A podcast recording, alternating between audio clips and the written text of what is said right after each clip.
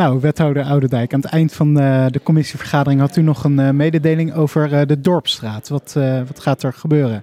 Ja, de Dorpstraat. Ehm, wij willen, zoals u weet, willen wij de Almondenhoeve locatie ontwikkelen. En dat willen wij daar woningbouw plegen. En we hebben altijd gezegd, voorwaardelijk voor woningbouw is dat de verkeerssituatie beheersbaar is of goed is. En uh, we hebben daartoe de afgelopen maand een verkeersonderzoek uitgevoerd. En een van de adviezen is om de Dorpstraat permanent af te sluiten voor uh, zwaarder gemotoriseerd verkeer. Dus voor auto's en vrachtwagens.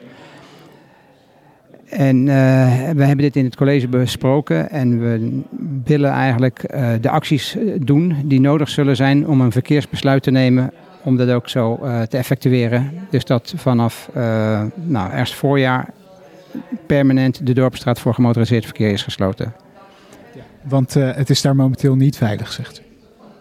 Nee, het is, nou, de, de, het punt is eigenlijk, de, de brug is niet veilig. En daardoor mogen er geen auto's overheen. Uh, hij is ook gestut aan de onderkant. Dus we willen eigenlijk het project Brug lostrekken van het verkeersbesluit. Wil je dus met die wijk aan de gang gaan, dan moet je voorkomen dat er verkeer, meer, te veel verkeer opnieuw door de dorpstraat komt. En daarom hebben we gezegd van we gaan de acties ondernemen die nodig zijn om de dorpstraat autoluw te houden.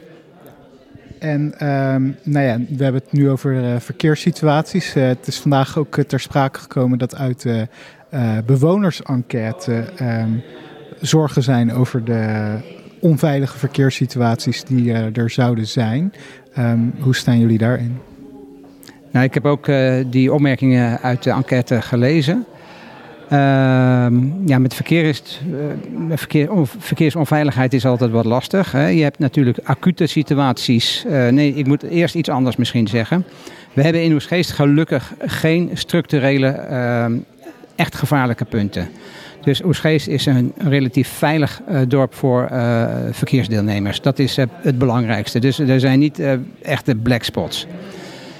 Dan heb je signalen waarbij er acuut iets kan zijn. En dan proberen we daar gelijk maatregelen op te nemen. Want van de zomer speelde het in uh, Lange Akker.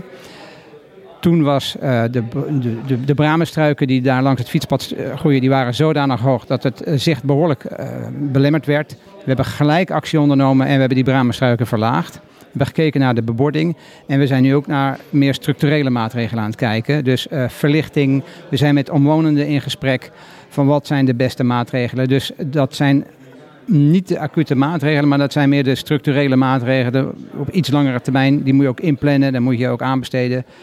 Um, ja, en daar zijn we nu mee ja, in gesprek. En uh, de komende tijd, komend half jaar, verwacht ik dat dat uh, zal worden geëffectueerd.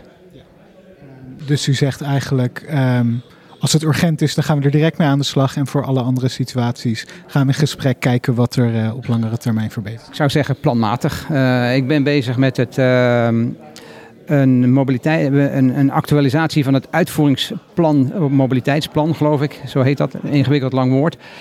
Ehm, dat gaan we het komend voorjaar als college bespreken. Of misschien dit, ja, zeer binnenkort. En daar uh, volgen gewoon de andere maatregelen die, heel, die we planmatig kunnen aanpakken. Um, ik, ja, er zijn ook andere voorbeelden, zoals de kruising uh, President Kennedylaan, Afspoorweg. Zo zijn er meer voorbeelden die we willen aanpakken de komende tijd.